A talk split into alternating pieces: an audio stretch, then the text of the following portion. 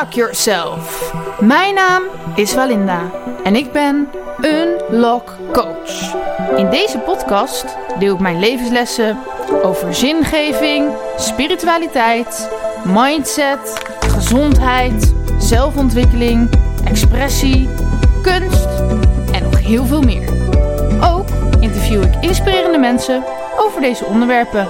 Dus luister je mee? Goedemiddag. Ik uh, heb weer een gast in mijn podcast. En dat is dit keer Vera Develing, toch? Helemaal goed. Okay, straks ja. heb ik een verkeerde achternaam. Zou niet de eerste zijn, ik neem het je niet kwaad. Okay. en en ja. mijn vraag is als, altijd als eerste, wie ben jij? Wauw, dat is meteen eigenlijk een heel diep, ja. diepzinnige vraag. Want dat uh, laat zich ook niet zo makkelijk beantwoorden. Daar mensen toch snel dan inderdaad gaan zeggen dat ze hun naam zijn of uh, dochter zijn of vriendin zijn of wat ook. Dus welke rol je hebt. Maar goed, even daarin. Nou, mijn naam is Vera. Mm -hmm. uh, ik ben geboren in Ede. Met grote omwegen daar ook weer uh, steeds teruggekomen. En um, ja, de, verder wat ik nog doe, is niet meteen wat ik ben of wat ik. Ik vind het een heel goede vraag. Ja, uh, wat ik nog doe, wat niet meteen is wat ik ben, maar wat ik doe, is eigenlijk juist weer helpen herinneren wie we in werkelijkheid zijn. Dus juist inderdaad naar de essentie terug, naar, uh, naar de liefde, naar uh, dat we inderdaad niet zijn wat we doen. Dat we zoveel meer zijn dan dat. Um, ja, eigenlijk op die manier dat eigenlijk alles energie is en ik dus ook. Oké. Okay. Ja. Uh, dus je zegt naar de essentie, dus we zijn dan energie ja. en liefde. Ja, ja, dat is eigenlijk allemaal hetzelfde. En nog veel voor mij.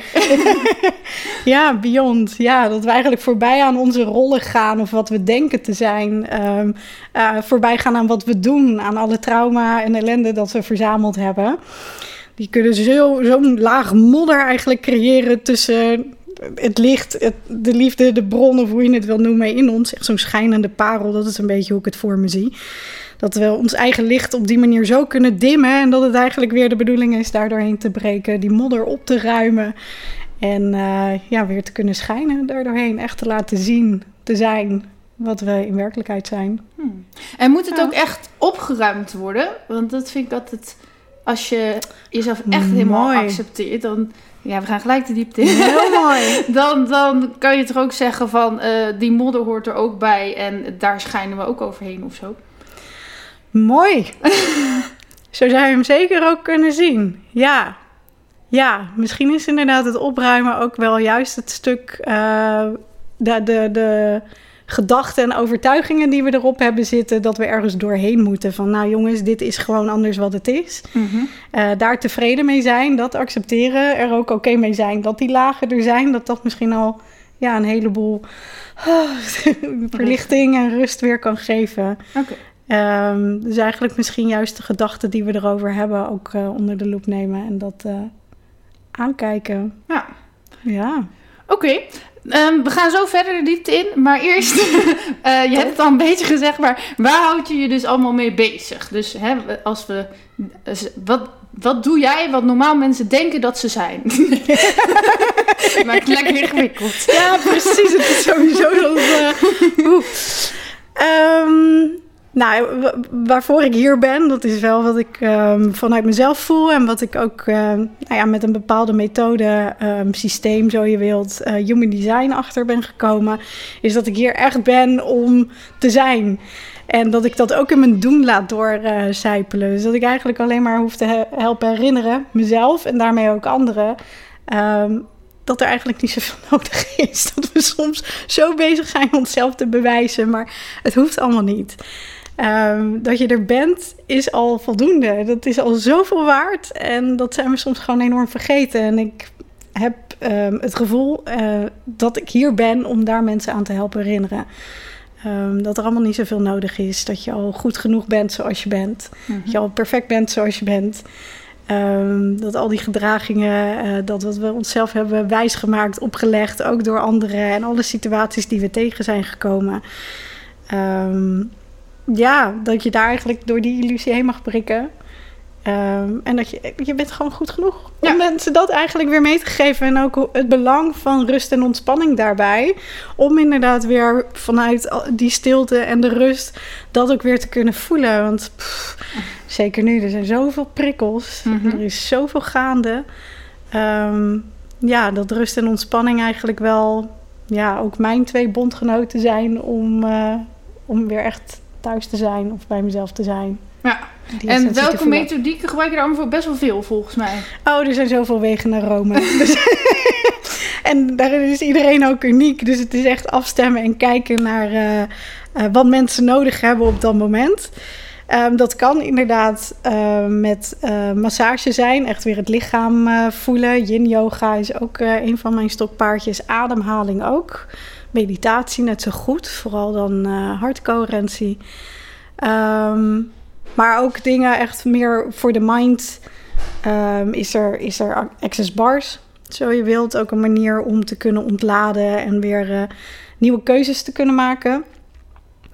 Eh, maar ook trauma coaching, ook hypnotherapie, ook de yoga nidra haakt daar mooi op aan. Ook ademcoaching.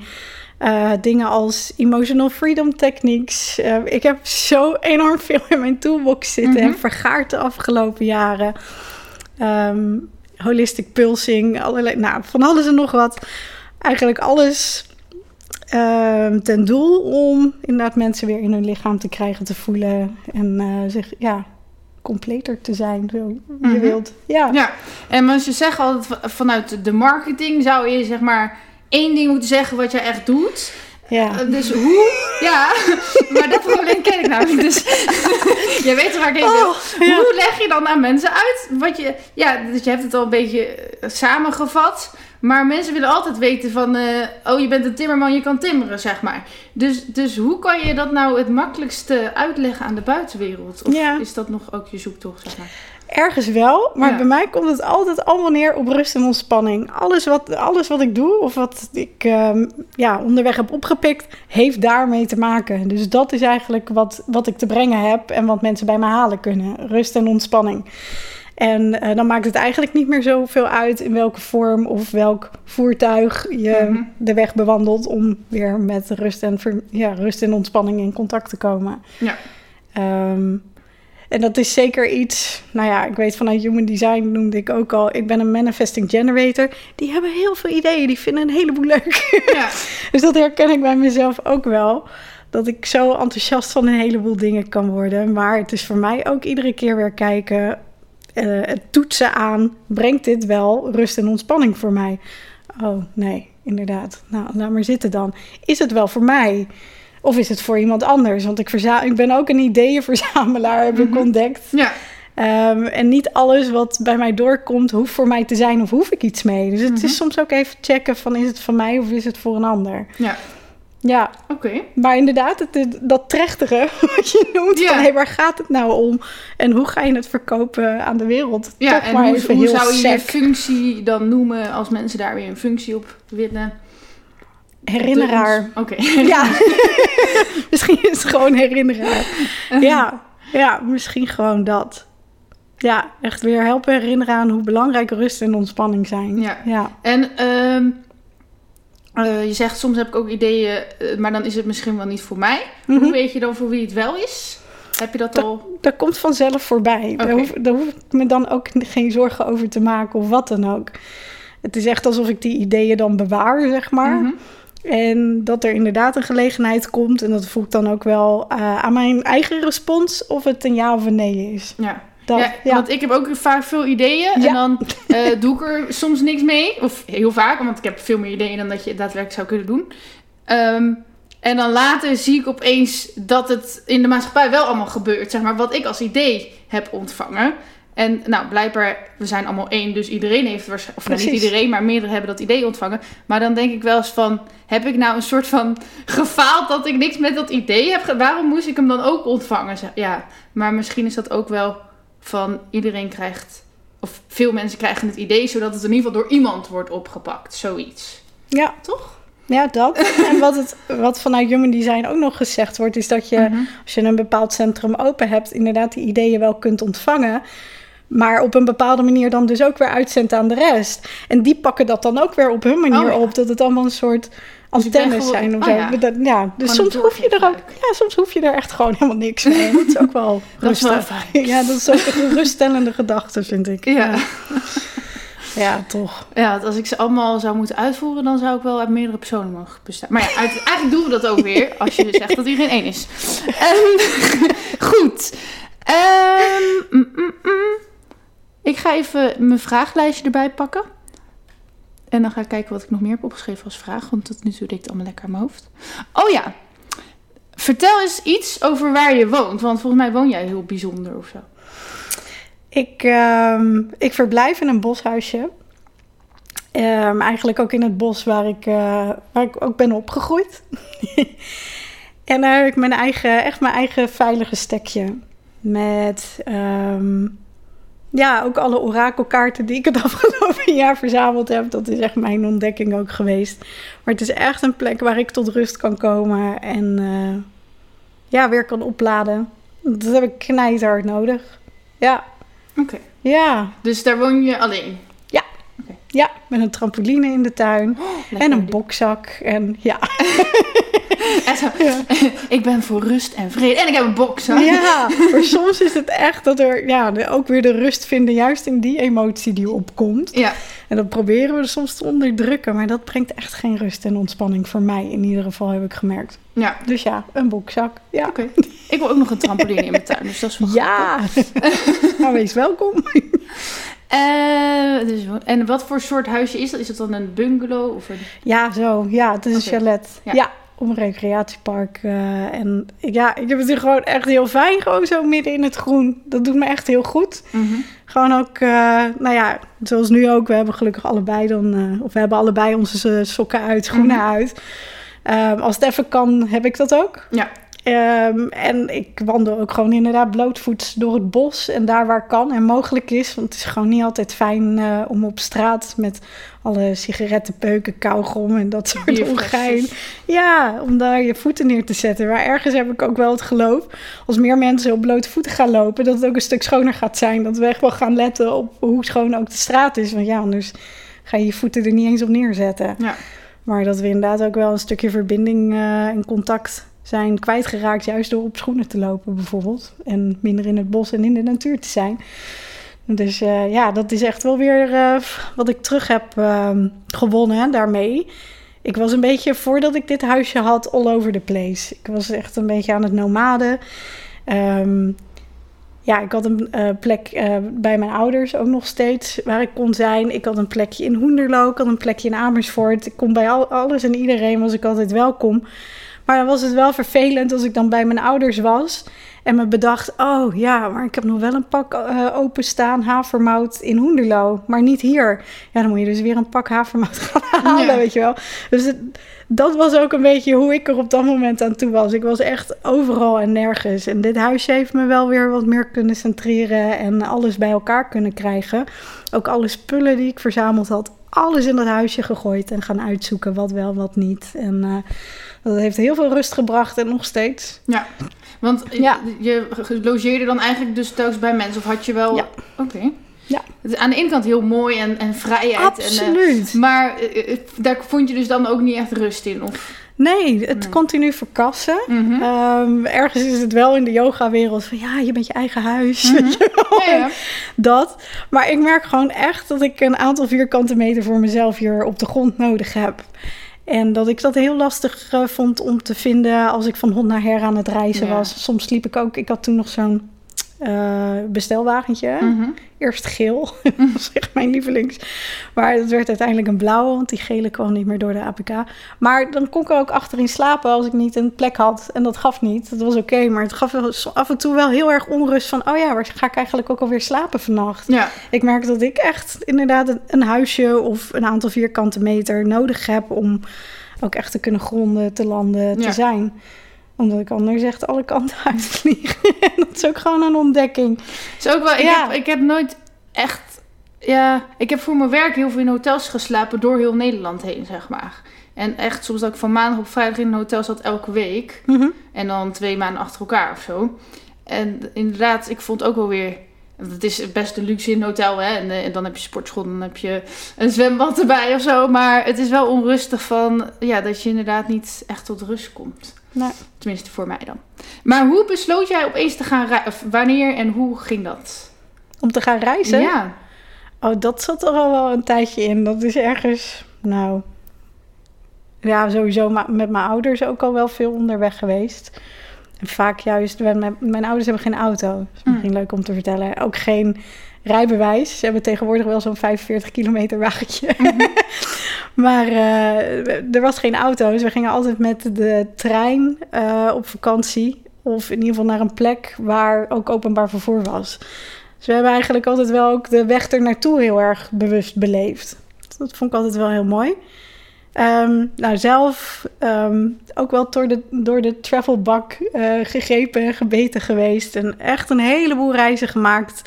Ehm, ook naar Zuid-Amerika, naar Azië, een beetje overal en nergens binnen Europa ook. Ehm, heel, heel waardevol geweest om dat allemaal mee te mogen pikken. En ook iedere keer wel weer blij om terug naar huis te gaan. En eigenlijk ook ja, hier Mhm. te waarderen. Ja. Want soms had ik ook echt het gevoel van... oh, het is hier echt allemaal verschrikkelijk. Ik Mhm. vind het allemaal maar niks. En door er even uit te stappen... het weer vanuit een ander perspectief te bekijken van... oh ja, maar eigenlijk is het gewoon wel heel fijn daar waar ik vandaan kom. En Ja. ik kwam ook steeds wel weer, ja, weer terug in Ede. Dus ik, ik ben er heel veel op uit geweest. Heb ook, nou ja, binnen Nederland dan een beetje nomade bestaan gehad. Ook nog met een partner met een camper en een uh, staakerven. En dat we allemaal markten afgingen, festivals afgingen. Hij om fluiten te verkopen, ik om yogalessen te geven. En, nou, op die manier. Maar ik merkte op een gegeven moment wel dat er wat meer vastigheid voor mij in ieder geval nodig was. Ja. Ja. En, eh, dus eh yogales geven was dan hoe je inkomen had? Ja. Hm. Maar dat het zijn... Ja, ik, voor, ik kom nu wel steeds meer creatieve, spirituele mensen tegen die hele... Nou ja, creatieve dingen doen. Maar als je naar de gemiddelde maatschappij kijkt... dan komt bijna niemand erop om zo te gaan reizen... en yogalessen te geven, zeg maar. Nee, Dus nee. hoe, is dat meer je opvoeding? Of hoe kwam je daar zo? Ja, nou, ik heb wel het geluk dat mijn ouders... ehm, nou ja, ik heb eigenlijk wel hippie ouders. Ah. Die het ook allemaal een beetje anders gedaan hebben dan anders. Ik ben eigenlijk door mijn vader opgevoed. Mijn moeder was aan het werk. En dat vond ik toen verschrikkelijk. Maar dat vind ik nu super dapper. Mhm. Ehm, want dat is toch ook echt een jaar of veertig geleden, zeg maar, was het ook allemaal nog een beetje anders. Dus dat uh, eigenlijk heel sterk geweest. Dus ik heb dat toch wel een beetje meegekregen. Um, en ze hebben eigenlijk, welke keuze ik ook maakte, ze waren er oké mee. Wat ook niet altijd handig misschien is geweest. Van, oh ja, is goed, weet je, maar het heeft wel heel veel vertrouwen gegeven dat het wel goed zou komen of zo uiteindelijk. Um, ja, en daarnaast, toch ondanks alles, dat ik uh, ook wel, nou ja, het een en ander heb meegemaakt. En ik op een gegeven moment gewoon echt niet meer kon. Mijn lichaam had al, ik weet niet hoeveel signalen afgegeven. Die heb ik gewoon genegeerd. Gewoon doorgegaan, want dat kon natuurlijk allemaal nog wel leven. Niet aanstellen, gewoon hup door, schouders eronder en gaan. Uh, maar dat heeft uiteindelijk geresulteerd in een paar jaar terug dat ik uh, halfzijdig verlamd op de IC terecht kwam. Wow. Dus dat is eigenlijk wel een beetje de wake-up call geweest van, oh ja, dit wil ik geloof ik niet nog een keer. Nee. Met al die snoeren en toestanden. een heel brakke nacht in een uh, vrijheid. duur hotel. ja, nee. nee, dat ik ook zelf mocht betalen en zo. Nee, dus dat wilde ik niet nog een keer. En ja, het heeft pas, ja, het heeft nog wel even doorgewerkt voordat ik echt uh, ja, de diepgang daarvan snapte, zeg maar. Van, oh shoot, dit is eigenlijk gewoon wel heel, heel heftig dat het zo ver heeft moeten komen... voor ik er echt uh, actie op wilde zetten. Um, dus eigenlijk vanuit daar, dat het is, zes jaar terug of zo...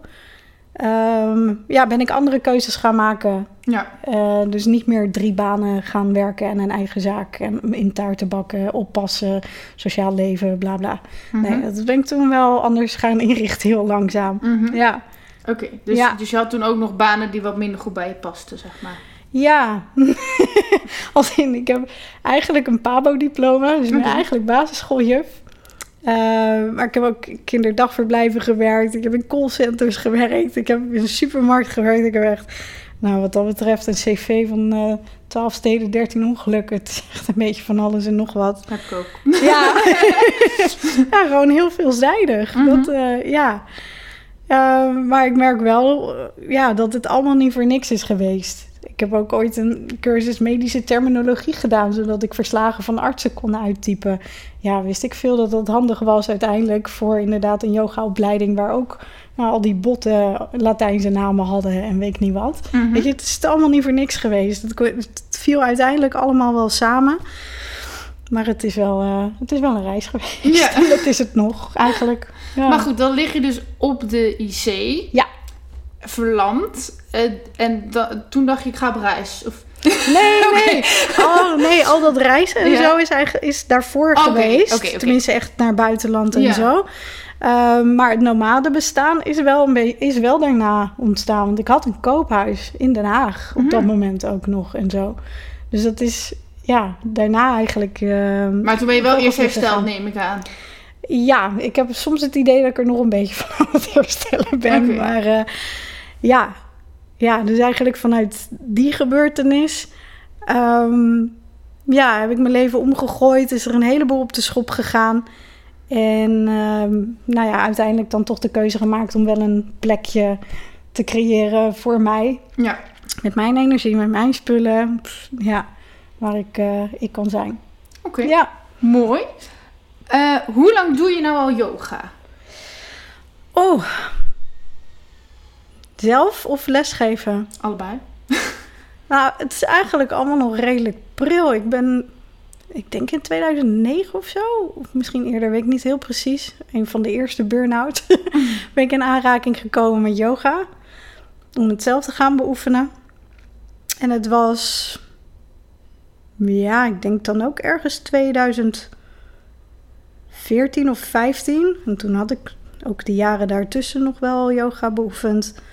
Dat ik een, ehm, bij een eh yogadocent op de mat kwam liggen. En ik moest zo huilen. Echt, ik moest zo huilen. En sommigen, als ik dat vertel, denken van... Oh, moet je van yoga huilen? Nou, laat maar zitten dan. Maar dat was- huilen, dat niet. Nee, dat, maar ik voel, voor mij was dat knijterhard nodig. Want er zat zoveel vast. Ja. En juist dat het allemaal weer pff, in beweging kwam, was wat ik nodig had. En ik ben ook naar toe gegaan. Ik vraag, wat is dit? Waar, waar heb je dit geleerd? Hoe kan ik dit leren? Want dit is nu wat zo bij mij hoort en wat zo bij mij past. Nou, toen hebben ze me wat dingen meegegeven. En vanuit daar heb ik een eh, yogaopleiding gezocht. En eh, ben ik docenten geworden. Meteen yin yoga ook. Gewoon meteen wel de rust en de ontspannende vorm eh, Mhm. opgezocht. Want eh, ja, ik had een jong genoeg leven, zeg maar. Ja, het was genoeg dynamisch, druk en in beweging wat dat betreft. Maar niet, zeg maar, om de beweging naar binnen te kunnen maken. En dat is waar Yin me absoluut wel bij geholpen heeft. Ja. Ja. Dus, dus voel je je sindsdien ook zelf rustiger? Ik, voor mij kom je heel rustig over, maar... Ja, wel meer in balans daarin. Ja, Want, ehm, absoluut. ja, misschien... Ben je wel eens, ben je wel eens eh, dat je op andere mensen in ieder geval overkomt alsof je nog veel te druk bent, zeg maar? oh ja, Oké, en, en, en- nou, omdat ik al dus ook heel Ja. druk en enthousiast en eh, ook gestrest over, of eh, misschien Mhm. ik ben het ook gewoon. Ehm, en, maar ja, ik doe dan hypnotherapie en dan denk ik van ja, ehm, ik denk niet dat mensen nou denken dat ze bij mij dan tot rust gaan komen, zeg maar. Terwijl ik kan wel gewoon, als het moet, kan ik heel rustig doen en mensen rustig maken. Eh, ben jij daar niet bang voor dat mensen denken van, eh, ja, ho- hoezo ga jij mij rustig maken? zeker. Oké. Oh ja, omdat ik, ja, en ergens aan de andere kant Mhm. ehm, is het voor mij dat ik ook nog steeds een rustzoeker ben. Ja. Want het is echt al een stuk rustiger dan dat het was. Eh, maar merk ik ook dat er bij mij nog genoeg op te ruimen is. Ja. En zou ik eh, mezelf eigenlijk niet op mijn gemak voelen, zeg maar, bij iemand die zegt het allemaal al te weten. Ja. En ik ben er. Dan denk ik, nou, dan vind ik het wel fijn als iemand ook nog in lering is, zeg maar, of iets Ja. wil ontdekken en experimenteren. Ehm, en ondertussen wel eh er vak voor staat of weet waarvoor ze hier is. Ja. Of hij, dat mag natuurlijk ook. Mhm. Maar dat de persoon inderdaad wel er ook nog steeds voor open staat om te mogen blijven leren. Want het is ook iedere keer als er iemand bij mij komt, ook Mhm. de lessen die ik geef, gaf. Want ik geef nu geen vaste lessen nee, meer. nee. Maar eh, ook de massages en alle andere sessies. Ik leer daar ook nog steeds van. Ja. Ik kan het ook niet zonder dat de ander er is. Mhm. Weet je, als er geen mensen zijn, kan ik ook niet verder. Nee. We doen het gewoon echt allemaal samen. Ja. Dat. Maar inderdaad, ik heb af en toe nog wel zoiets van... Ja, hoe denken mensen nou dat ik ze rustig ga kunnen krijgen? Weet je wel, maar het- Niet dat ik je zo druk van over, maar ik had Ja. het gevoel dat ik die vraag mocht stellen. ja, ja, ja, nee, absoluut. Nee, maar het is ook Want ik word altijd wel heel rustig van je. Ja, ja. ja. Dat is wel over het algemeen hoe ik overkom. En, eh, en dat, en dat is ook echt. Mhm. Maar er, er gebeurt af en toe bij mij ook. Als ik in een supermarkt ben geweest of zo, heb ik echt ook weer even de tijd om pff, eh, tot mezelf te komen. Voordat ik weer met iemand anders in gesprek ga. Ja. Ehm, als ik uit een supermarkt kom en ik ga meteen met iemand in gesprek. Ja, nee, dan eh, ben ik echt eh koekoek. Ja. dan geloof je niet waarom ik hier ben. Nee, dan geloof ik het zelf ook niet. Ja, zo is bij mij, zeg maar, dus ooit Ja. mijn, ja, mijn missie in ieder geval begonnen met schrijven, zeg maar. En, en dan schreef ik dus hele positieve teksten. Inmiddels is het niet alleen maar meer positief en soms ook veel eerlijker. Maar eh, Mhm. ooit begon ik met alleen maar positieve teksten. Maar dat was eigenlijk omdat ik zelf toen in een depressie zat, om mezelf te motiveren. Maar ja, de buitenwereld die dacht natuurlijk van... Oh, Walinda die is altijd optimistisch en altijd vrolijk. En hoe doet ze dat toch en zo. Ehm, terwijl, ja, ik denk als je kijkt naar bijna alle mensen die schrijven op social media... dat heel vaak de teksten eigenlijk gewoon voor jezelf zijn. En ja, het is leuk dat andere mensen er ook wat aan hebben. Nou, dat. Ja. Ehm, maar ik vind dat soms wel een zoektocht van... Ja, in hoeverre mag je zelf problemen hebben en toch nog andere mensen helpen? Eh, omdat, ja, volgens mij zit er in onze maatschappij en in de marketing heel erg het idee van... eh, ik ben perfect of ik heb het al bereikt of ik kan het allemaal al. eh, en nu moet je hetzelfde gaan doen als ik, zeg maar. Ehm, maar dat dat zo naar buiten wordt uitgestraald, betekent niet dat het ook zo is. Want hoe vaak weten we of een psycholoog ehm, zelf problemen heeft? Of, eh, weet je wel, dat, daar wordt gewoon vaak niet over gesproken. En ik zou het eigenlijk mooier vinden als, als we allemaal wel daar open over konden praten. Maar ja, dat Ja. is heel lastig. Ja. ja, ik ben het helemaal met je eens. Ja, En dat is ook precies, want ik was ook wel van het sugarcoaten voor mezelf. En altijd de zon willen laten schijnen. En Mhm. het gaat goed hoor. En echt een flink masker. Ik had ook een keer met een opdracht eh, van de Pauw... heb ik een masker van mijn eigen gezicht laten maken. Aan de buitenkant beschilderd met zonnebloemen. En aan de binnenkant echt met zwart en paars en donkerblauw. Weet je, Mhm. helemaal kriskras, alles door elkaar. Want dat was eigenlijk hoe het voor mij was. Ehm, dan inderdaad van, nou ja, laat ik maar lief, leuk, aardig en vrolijk doen. Want dan kunnen mensen met me omgaan. Als ik dat anderen laat zien, dan gaan ze bij me weg. Dat was echt een overtuiging. Mhm. Maar ik ging er zelf ook voor weg. En dat is vaak ook het punt. Mhm. Het gaat niet over de ander, het gaat over wat je zegt. Het gaat Ja. altijd over jezelf. Tenminste, dat Ja, gaat want het voor mij weer tijd weer spiegeld. Want Ja. als je zelf een oordeel hebt, hebben anderen dat ook. En als je zelf dat oordeel niet meer hebt, hebben anderen het ook minder. Waarschijnlijk. Waarschijnlijk. Weet ik niet zeker. maar daarom, laten we daar open en eerlijk over zijn. Want ja. Voor mij eh, geeft dat eigenlijk ook gewoon aan van... jongens, ik ga het niet mooier voordoen dan dat het is. Mhm. En voel dat veel echter. En ben ik ook liever met mensen die dat wel tonen... Ja, dan dat ze een showtje aan het opvoeren zijn, met alle respect. Want, Mhm. nou ja, weet je, ieder op zijn eigen moment, zo Ja. is het ook. ja. Maar als het voor mij niet goed voelt, daar ben ik in ieder geval op uitgekomen. Ja, dan niet. Mhm. En dat is heel, ja, dat is niet altijd handig misschien, marketingtechnisch gezien misschien ook allemaal niet. Maar ik vind inderdaad dat we echt wel een stuk echter en eerlijker soms mogen zijn. Ja. ja. ja. Oké.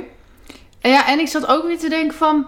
Maar misschien omdat de dingen die wij dan doen... Ik noem het even wij. niet dat Ja, precies hetzelfde doen, maar. Ja. ehm, het gaat wel altijd over je goed voelen. Of in ieder geval over hoe je je voelt. En gefocust op je gevoel.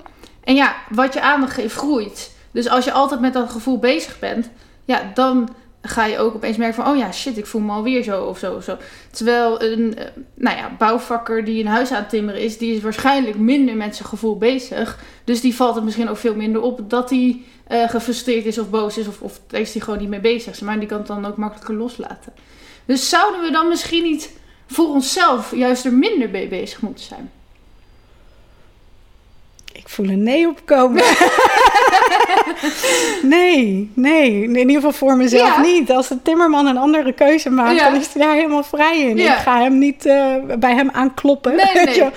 Om, om hem uit wat dan ook te lokken of wat ook. Mhm. Nee, nee. Dus ik doe dit inderdaad, het hele proces doorlopen eigenlijk vooral voor mezelf. Ja, Om inderdaad al die last en pff, zwaarte en zo, nou ja, dat, dat ik daar beter mee om kan gaan. Inderdaad, Mhm. niet per se, waar we het in het begin over hadden, niet per se om het op te ruimen, Mhm. maar er anders tegenaan te kunnen kijken. Ja. Het meer te accepteren, er tevreden mee te zijn, oké mee te zijn. Mhm. Dat het soms gewoon even niet wil. Ja, en zou het dan... Dus ik zeg niet dat dit de- de oplossing is, hè, Nee, maar het nee. is gewoon van... eh, zou het misschien juist niet makkelijker gaan als we er minder mee bezig zouden zijn... dat je eh, het dan ook beter kan accepteren?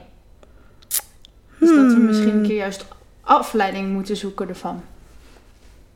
Nee, Nee? voor, mij, voor mij niet. Ik snap dat het misschien voor anderen wel zo kan werken. Ja. Ik zeg ook eerlijk, soms leid ik me ook echt wel eens af met een Netflix, Ja, of. Netflix-serie wat ook hoor. En denk je van, nou, liever het nu gewoon even niet. Ja, ik pak het een andere keer wel weer op. Ehm, en ga me even inderdaad weer eh, bezigen met een boswandeling of Mhm. even een boek lezen. Of ding, nou ja, gewoon dingen waar ik blij van word. Even een leuk muziekje aanzetten, dansen, wat dan ook. Maakt niet uit. Chocola eten. Ehm, maar ik heb wel het idee, ja, voor mij, als ik het te veel mezelf ervan afleid, dat ik de neiging kan hebben om het te negeren, te onderdrukken en het er niet te laten zijn. En dat het dan alsnog gaat liggen rotten en wel een keer eruit wil. ja.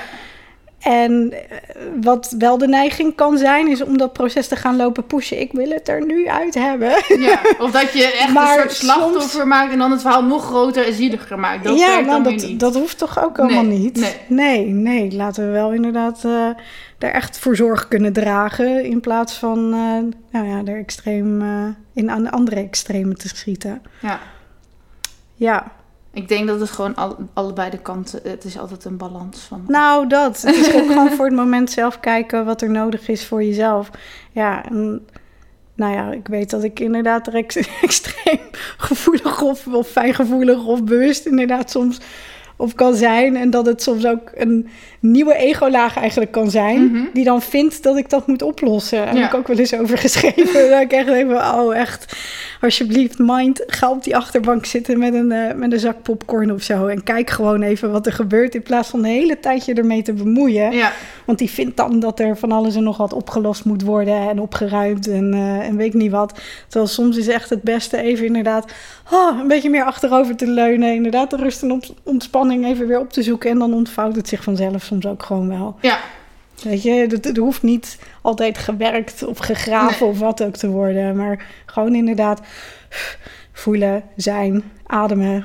Gewoon even niet. ja. Dus het ook weer vanzelf, vanzelf. loslaten. en Daar ook de balans. Ja, het, ja, het laat Ja. vanzelf los. Ah. Ja, ja. Oké. Oh, ik had net een vraag in mijn hoofd en nu ben ik hem weer kwijt. Eh, nou, dan mocht ik hem loslaten. Ja, dat vloog hij al. Ja, nou dat. Komt hij straks als hij nog heel belangrijk is. Ja. Wat vind je nou het allerleukste van de dingen die je doet of niet doet? Ehm, wat ik het allerleukste vind van de dingen die ik doe. Oh, ik vind eigenlijk zoveel leuk. ja, nou, ik word zeker als het dan over het zakelijke gaat, over wat ik, eh, wat ik doe in contact met mensen, is vooral inderdaad toch dat stukje ja, verbinding of verlichting of vrijheid weer kunnen bieden of Ja. geven. Juist inderdaad weer mensen in ontspanning kunnen brengen. En dat ze, dat ze inderdaad ook soms teruggeven. Het is vaak al te voelen of te zien, ook als ik yogales geef of sessies geef. Maar dat het toch even terugkomt, die feedback van... Oh ja, ik, ik snapte wel, of ik had wel eens wat gelezen over zelfliefde, maar nu snap ik het echt. Nu heb ik het gevoeld, weet je, allemaal dat soort dingen. Of ja, ik hoef soms niet eens reactie, omdat ik dan al zie dat het oké is en voel dat het oké is. Maar gewoon dat met mensen te kunnen bewerkstelligen, ja, fantastisch. Om die ruimte te kunnen bieden en dat Mhm. in energie te kunnen doen, ja, Oké, dus dat is dan... eh, ik was een heel klein beetje afgeleid in mijn. Dat was dan de yogales, toch? Wat je zei. Ja, en Ja. ook tijdens de sessies ook net zo goed als ik massages geef of eh, Oh ja. andere ontspannende sessies. Dus eigenlijk maakt het niet uit eh, wat je doet, maar meer wat het met de mensen doet. Ja, Ja. ja, dat ze echt weer even meer in contact met zichzelf zijn. En, en even weer de rust en ontspanning hebben kunnen ervaren. In de, gekheid en drukte van wat er allemaal om hen heen gebeurt. Van, oh, als ik bij jou ben, hoeft het even niet. Ja. Nou, dat. Ja, noem het afleiding, mag. Maar ergens breng je ze wel weer echt daar, naar Ja. daar waar ze moeten. Of, ja, Ja. Of horen te zijn. Ja, nou, dat moet is ook weer zo hard. Ja. Ja, maar ook weer als je de hele tijd op je woorden moet letten. Nou, dat-. Ja, dat, zit, dat zit ergens in mijn horoscoop, heb ik begrepen. Dat ik woorden de hele tijd aan het Ja, afwegen ik ben. ook hoor. Ja, dat zit mijn weegschaal blijkbaar. Maar goed, maar- Goed. Ehm, je had het net ook al over ego. Mhm. Je zei mensen verlichting brengen. Heb ik twee vragen. Eén, wat is nou eigenlijk het ego? Of hoe zou jij dat omschrijven? Want ik denk soms wel eens dat iedereen een beetje een ander beeld heeft bij ego. En twee, wat is verlichting en bestaat het eigenlijk om verlicht te zijn? Ehm, Oké, eerst veel die laatste vraag. We gaan, we gaan, kijken wat het geeft. Ja. Eh, allereerst verlichting. Vers- ik, eh, zie ik eerder als een staat van zijn. Dan- en die we eigenlijk van nature allemaal al wel hebben. Ehm, niet iets waar je hebt te komen, want het is er nu al. En voor mij is het eigenlijk juist het weer helpen verlichten... als in alle ballast de, eraf eh, laten gaan... of in ieder geval die zwaarte eraf te laten gaan... Ehm, anders tegen dingen aankijken. Dus op die manier eh, het lichter maken. Als ook inderdaad eh, het don- het donkerte aan te durven, durven kijken. Het schaduwwerk. Dat, ehm, en dat er eigenlijk altijd wel lichtpuntjes zijn. Het is ook zo'n cliché om te zeggen, maar ik ga het toch doen. Het Mhm. moet donker zijn om de sterren te zien stralen. Mhm. Maar dat is eigenlijk effectief wel wat het is. Mhm. Want het kan soms zo beangstigend voelen ehm, om eh, ook de stukken van jezelf waar je niet zo trots op bent of niet zo blij mee bent of die echt zeer doen, om ja, die aan te kijken, eh, te voelen, gewoon te laten zijn eigenlijk voor wat ze zijn. Maar als je dat allemaal nog meedraagt, zeg maar, het, het kan zoveel leuker, het kan echt zoveel lichter. Mhm. Dat. En dat wil niet zeggen dat de pijn totaal weg is, maar je kunt er op een andere manier mee omgaan. Dat is in ieder geval hoe ik het, eh, of, of er tevreden mee zijn dat het er is. Ja. Dat. Dus, Dus, echt dat kan al een stuk verlichting brengen. Ja. Ja, dus echt een staat dat je nou nooit meer pijn zou hebben. Dat, zou dat bestaan? Niet hier. Waar wel? Nou, noem het even op wat. Maar ik geloof dat hier juist ook de truc is om door, of ja, met je lijden om te gaan. Ja, Eigenlijk dat. Het is er, maar hoe ga je ermee om? Ja. Eh, dat. En dan, dan inderdaad, als het dan over het ego gaat, dat is voor mij echt, eh, ja, iedereen heeft een ego. Mhm. Ego betekent zoveel als ik. Eh, we hebben allemaal een ik. Maar We er denken ook, in ieder geval allemaal aan ik te hebben. ja, Ja. Maar er zijn van die. ehm, ja, ik, ik, ik, zie, ik splits hem dan een beetje zeg maar, op hoe ik het zie in een ware ik-stuk of een hogere zelf of wat dan ook. Echt je ziel of je spiritje, nou, hoe je het wil zeggen, je eigen bron. En eh, de pijnlagen die daar omheen zijn gekomen, ehm, de overtuigingen die je heus wel hebben willen helpen beschermen. Eigenlijk een soort beschermingslagen, maar die je eigenlijk eh, in die end gewoon niet dien- dienen. Mhm. Die eigenlijk nog meer pijn uiteindelijk kunnen gaan opleveren. ja. Dat het eigenlijk een soort overlevingsmechanismen zijn geworden.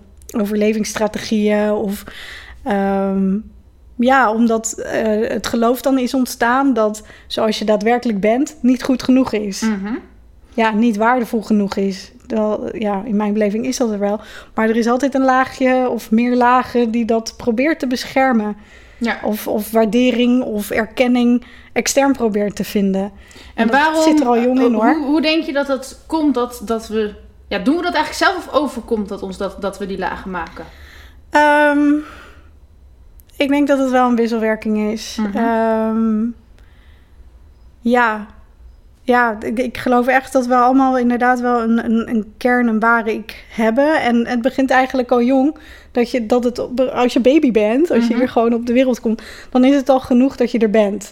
Vindt iedereen je prachtig, geweldig, mooi. En Was Als het goed is. Zo. als het Ja. goed is, en je krijgt Stel je voor dat je nu op straat bent en die zo. Ah, kudie, kudie, kudie. Ja, dat zou mooi zijn. Ah, Gewoon, oh. Maar soms is het zo fijn om gewoon even tegen iemand te zeggen... wat fijn dat je er bent, Ja. weet je? En dan niet, niet om wat je doet, Mhm. niet om wat je denkt te moeten doen of wat... maar gewoon wat fijn dat je er bent. Je bent zo welkom, gewoon nu al. Je hoeft er niks voor te doen. Terwijl eh, er komen inderdaad al snel lagen op... dat je er iets voor moet doen, dat je dingen moet verdienen... Ja. om van gehouden te worden. Mhm. En dat is eigenlijk zeg maar waar het ego voor mij een beetje begint te groeien of te ontstaan. Dat het in de eerste instantie gewoon pff, allemaal een soort een en al bewustzijn is. Gewoon ja, je, je bent er en je Mhm. krijgt te eten. Je bent goed genoeg Ja. als het allemaal oké is. Even Ja, gewoon, ja, soms gaat het wel eens mis, Precies, maar in de meeste gevallen komt het gewoon. Precies. En dan ja, ontstaan er toch, weet je, je, je, je krijgt een sticker of iets als je op het potje plast. Weet Ja. je? Het is dat soort dingen. En ineens gaan er toch externe validatiedingetjes ontstaan. En kan daaruit ontstaan inderdaad van, oh, dus als ik me zo gedraag, dan krijg ik er dit of dat voor terug. Ja. En dat is ja, hoe ik. Maar En stel, stel dat, dat, dat we dus altijd in die babystaat waren gebleven. Nou, dan waren we nu nog steeds, nog steeds lui. Maar ja, Ja. Nee, maar je moet dus ook... Je moet wel wat gaan doen. Want ja, anders dan... Je, kan- ja, of je moet zwaar gehandicapt zijn. Dan ben je eigenlijk je hele leven dat er voor je wordt gezorgd. Ja, hoe fantastisch zijn die Ja, dus mensen ook om te helpen die- herinneren. Die ja, zijn dus er niet voor misschien zijn niks. die wel verlicht, zeg maar. Wie weet. Maar, ehm, oké, maar dan alsnog, de meeste gewone, de, wat is gewoon hè, mensen met een, een normale intelligentie, die moeten toch op een gegeven moment die wieg uitkomen en eh, schoenen aantrekken en de wereld in. Dus je moet wat doen om iets te krijgen, zeg maar. Ehm, ja, dus hadden we het kunnen voorkomen dat we een ego kregen of zo? Nee, zeg ik ook niet. Nee, nee, nee, maar- nee, nee, maar Ja, maar inderdaad we vaak zo van ons ego. Ja, maar het is er en het ontstaat en het Ja. probeert ook echt wel goede dingen voor ons te doen. Echt Ja. wel. Alleen inderdaad met sommige dingen, ja, is het gewoon niet altijd handig. Merk Nee. ik dat ik echt tegen sommige stukken of beschermingslagen of wat dan ook, of laat ik dit maar voor zijn, want anders wordt mijn moeder boos of Mhm. nou ja, het kan van alles zijn. Ehm, dat dat al niet meer nodig is. Dat Ja. dat als kind of wanneer dan ook nodig is geweest om Ja. te kunnen overleven. Maar Mhm. dat dat in het nu, nou ja, dat ik voor mezelf dan ontdek. Ah, ja, nee, het heeft eigenlijk niet meer zoveel zin Nee, dus eigenlijk was het dat. een regel die voor jezelf Ja, werkte. En op regels. een gegeven moment Ja. werkte niet meer, want jij verandert en de mensen Ja. veranderen en de wereld verandert. Ja, maar het kan soms inderdaad wel zijn dat, dat er een gebeurtenis is geweest. Ja, trauma is wat jij zelf trauma vindt. Mhm. Ik bedoel, er kunnen definities op losgelaten worden. Maar als iets jou gewoon enorm geraakt heeft en Mhm. jij het zelf trauma noemt, is dat in mijn beleving trauma. Ja, Ehm, ja, dan kun je daar ook op getriggerd blijven worden. Dan kan dat, ook al is het jaren geleden geweest, ook nu nog explosieve reacties geven. Juist omdat er nog zo'n ehm, overlevingsstuk tussen zit en je daarin kunt schieten. En niet meer kunt overzien dat er op dit moment die veiligheid, ja, dat die er wel is. Dat op dit moment misschien niet zoveel aan de hand is, maar Mhm. dat je ja, explosiever of buitenproportioneel kunt reageren op wat er gebeurt. Ja. En geloof ik ergens heus wel dat wij nog steeds ook een gezond deel in ons hebben. Een overlevingsmechanisme en een traumastuk. En vanuit de pijn praat je eigenlijk alweer heel anders dan wanneer jij echt in dat overlevingsdeel gaat zitten. Ja, en als het overlevingsstuk ja, de overhand gaat nemen, noem het ego of wat Mhm. ook, die beschermlaag. Ja, dan is iemand zo in de verdediging en Ja. dat. ja, en tegelijkertijd, als je dus alles accepteert zoals het is, Ja, dan is daar dus ook niks mis. Ja, dat hebben we ook gezegd, dat er niks Ja. mis met ego. Maar je wil Nee. ook niet de hele dag eh, vanuit je ego ehm, de wereld tegemoet treden, zeg maar. Tenminste, ik niet. Eh, nee, ik ook niet. ik wou zeggen, weet je, soms, je hebt ook zo'n uitspraak van, eh, ja, oor, of, eh, ja, ik vind dat anderen oordelen, maar ja, dan oordeel ik zelf ook, snap je? ja, ja. Maar er zijn mensen blijkbaar die wel die keuze maken, of zo voel ik dat, dat ze wel vanuit hun ego alleen maar leven. En dat is dan hun keuze, Ja. weet je wel. Maar ik merk voor mezelf dat het niet werkt. En ik, eh, ik zal ook echt nog een heleboel lagen op te ruimen hebben. Dat geef ik ook ruiterlijk toe. Nou ja, dus niet op te ruimen, maar Of te op te accepteren. accepteren, en dan dank je, dat ze dank je. minder naar voren komen of zo. zoiets. Nou ja, dat ze inderdaad minder eh, mij tot last zijn in de Ja. verbindingen en situaties eh, die ik meemaak. Ja. Oké. Ehm.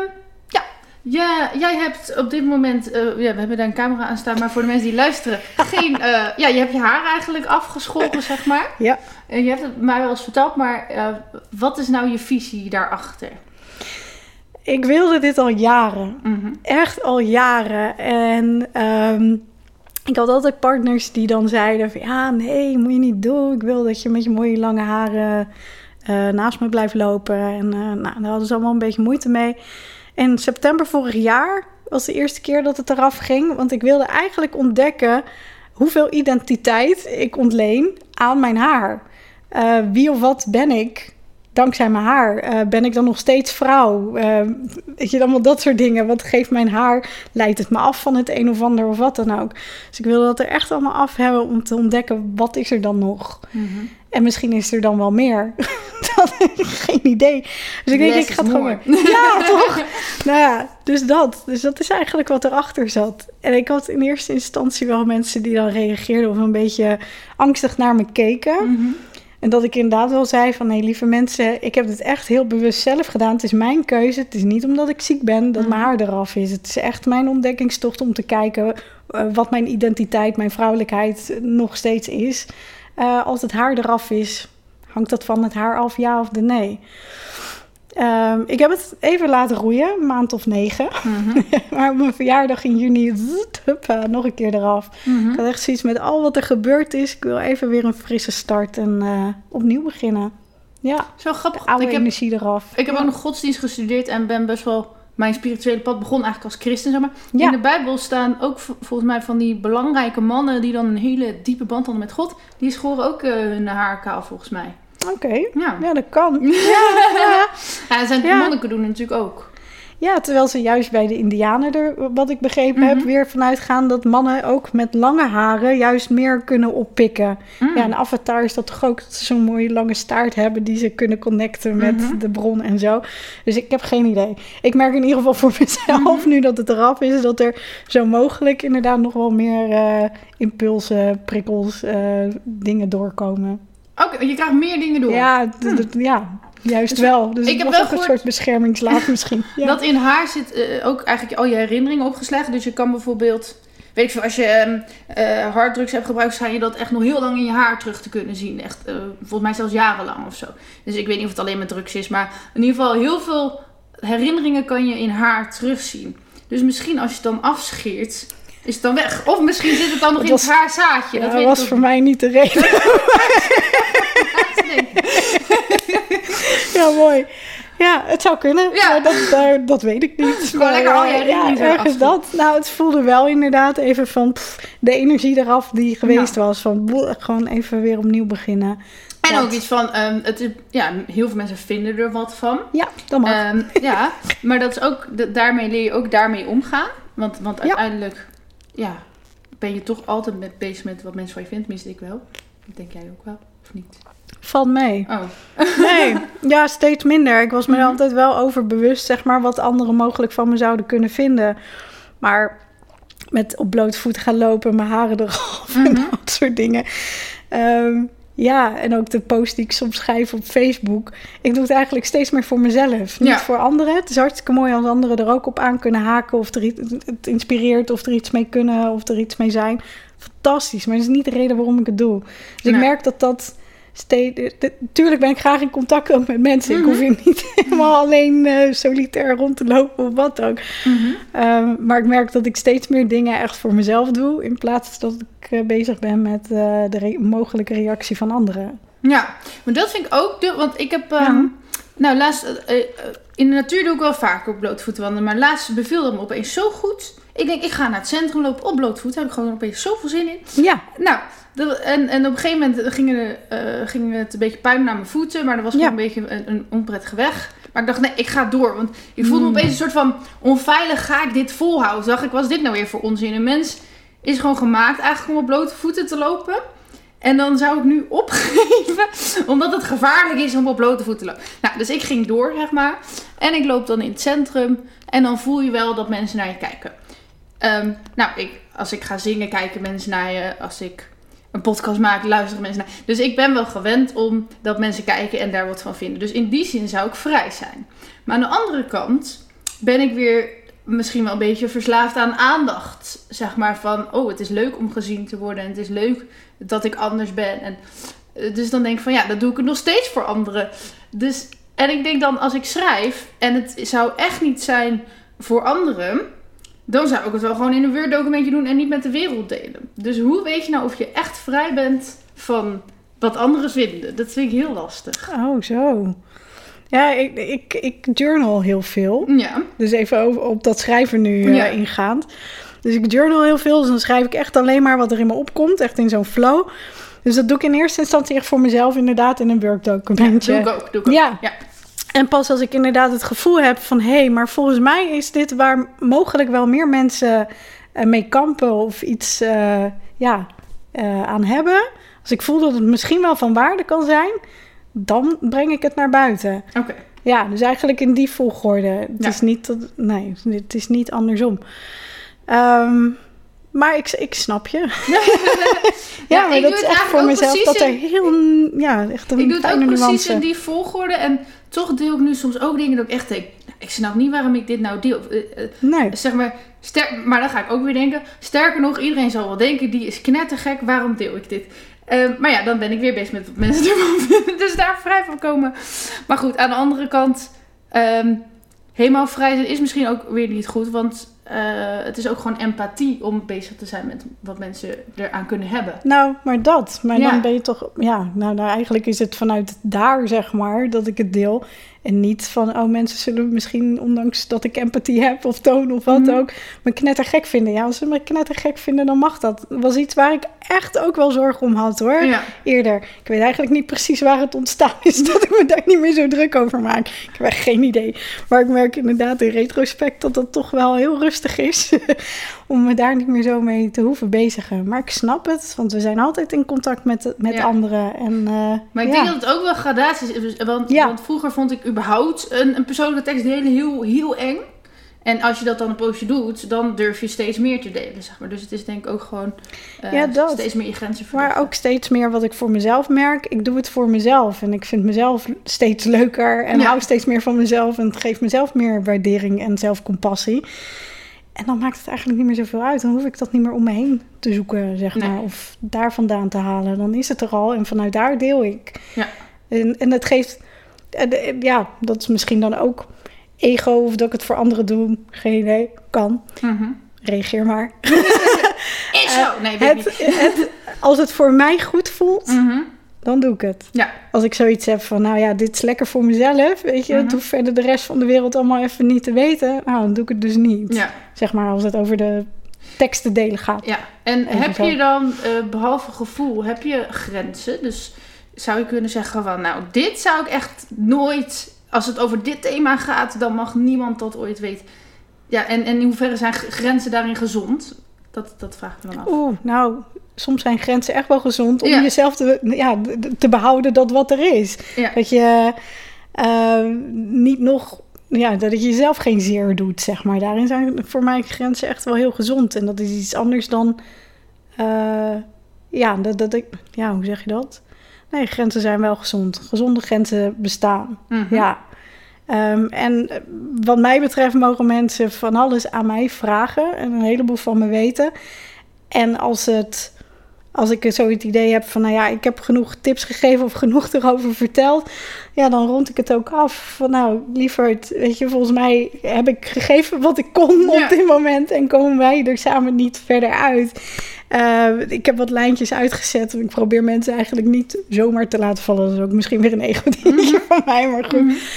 Ehm, ja, hoop ik altijd wel dat mensen weer verder kunnen. Maar als het niet bij mij is, dan is het niet bij mij. Nee. Dat. En dat geef ik inderdaad dan ook aan. Van, nou ja, het is, dankjewel voor het delen. Maar, en eh, fijn dat ik dit met jou heb kunnen delen. Maar als we er niet uitkomen, nou, dan Ja, maar ik zit past zelf op dit ook, moment iemand anders bij. ook met die openheid, zeg maar. ja, Het is natuurlijk... Oké, voor heel veel mensen, volgens mij, in deze maatschappij is het zo van... We moeten niet te, te open zijn, hè. Want ehm, eh, hoe meer je vertelt, hoe meer mensen tegen je kunnen gebruiken. Nou, ik heb juist de visie van hoe opener je bent... eh, hoe minder ook te chanteren valt. Want ik ben er toch open, dus wat kunnen ze ermee, zeg maar? het is echt een fantastische bescherming. Ja. Dat zo op zoek ben naar bescherming. Dat Alleen het op een gegeven ehm, ja, maar nu ga ik ook soms wel weer de, de negatieve kant van openheid zien. Bijvoorbeeld als ik echt tegen iedereen vertel wat er daadwerkelijk speelt, gaan er ook heel veel mensen zich ermee bemoeien. Dus dan denk ik, nou, soms kan ik het gewoon beter niet zeggen. Zo, zeg maar.